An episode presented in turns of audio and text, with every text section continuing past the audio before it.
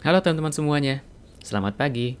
Kemarin kita sudah bahas soal apakah bakat itu dipengaruhi oleh lingkungan atau dipengaruhi oleh genetik kita.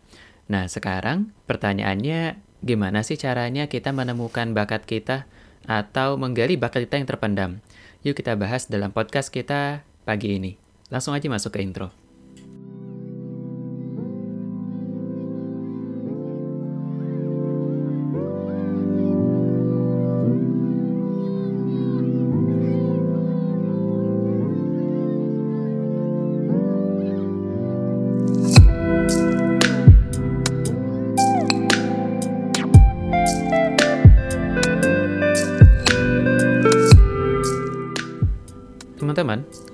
Tahap kita mencari tahu bakat kita apa itu sangat menarik ya. Jadi, kita nyari tahu apakah ini kekuatanku atau bukan, potensi yang perlu dikembangkan atau ini mah sebenarnya biasa-biasa aja. Nah, kalau teman-teman merasakan hal seperti itu, maka podcast kali ini cocok banget nih buat menjawab permasalahan yang teman-teman rasakan.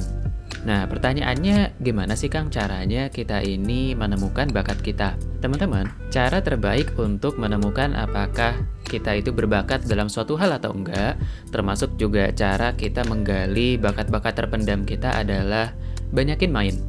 Iya, banyakin main. Kayak perumpamaan di episode sebelumnya nih teman-teman. Jadi, bakat itu ibarat bibit ya. Ibarat sebuah pohon yang perlu tumbuh.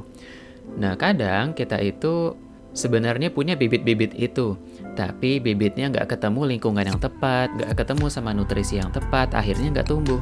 Atau kadang bibitnya bahkan belum ditanam karena kita belum nemuin bibitnya. Nah, maka cara terbaik bagi kita untuk mencari tahu apakah kita berbakat ini atau berbakat itu adalah kita perlu banyak main. Ya, kita perlu banyak eksplorasi bakat melakukan aktivitas-aktivitas baru yang selama ini bahkan belum kepikiran sama kita.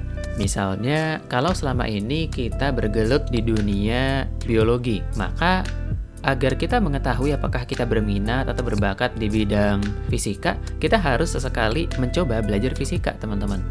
Atau misalnya, selama ini kita bergelut di dunia desain visual. Buat tahu apakah kita ini jago bikin 3D atau enggak, kita harus mencoba untuk mengerjakan aktivitas-aktivitas desain 3D. Kita nggak bakalan pernah tahu apakah kita berbakat atau enggak kalau kita nggak pernah nyoba sama sekali. Makanya, tahap yang paling oke okay sebenarnya buat eksplorasi bakat ini adalah masa remaja dan masa kuliah. Kenapa kayak gitu? Karena di masa ini adalah masa kita itu bisa ketemu beragam tipe aktivitas, tipe orang, komunitas, dan semacamnya. Ditambah, kita masih muda, banyak waktu luang, dan banyak energi buat mengerjakan berbagai macam hal. Nah, ini mendukung banget tahap eksplorasi. Kalau misalnya teman-teman di masa remaja dan masa kuliah, cobain deh kerjakan begitu banyak aktivitas yang berbeda. Buat mencoba nih nyari tahu mana aktivitas yang cocok buat teman-teman, mana komunitas yang ternyata menjadi tempat aktualisasi diri teman-teman, sehingga sehingga teman-teman bakal tahu nih di mana aja tempat atau bidang yang teman-teman geluti yang bisa menjadi potensi bakat teman-teman. Nah, pertanyaannya mungkin berikutnya kita ini cara ngukur apakah aktivitas kita ini beneran bakat atau sebatas hobi dan semacamnya itu gimana nih Kang? Nah, pembahasan seputar parameter-parameter bakat ini bakal kita bahas dalam podcast yang berikutnya ya teman-teman. Jadi stay in touch aja dengan podcast Bicara Asa.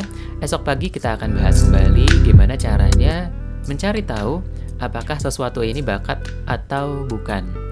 Itu aja dulu buat kesempatan pagi hari ini. Banyak-banyakin eksplorasi dan bermain. Sampai jumpa esok hari. See you next time.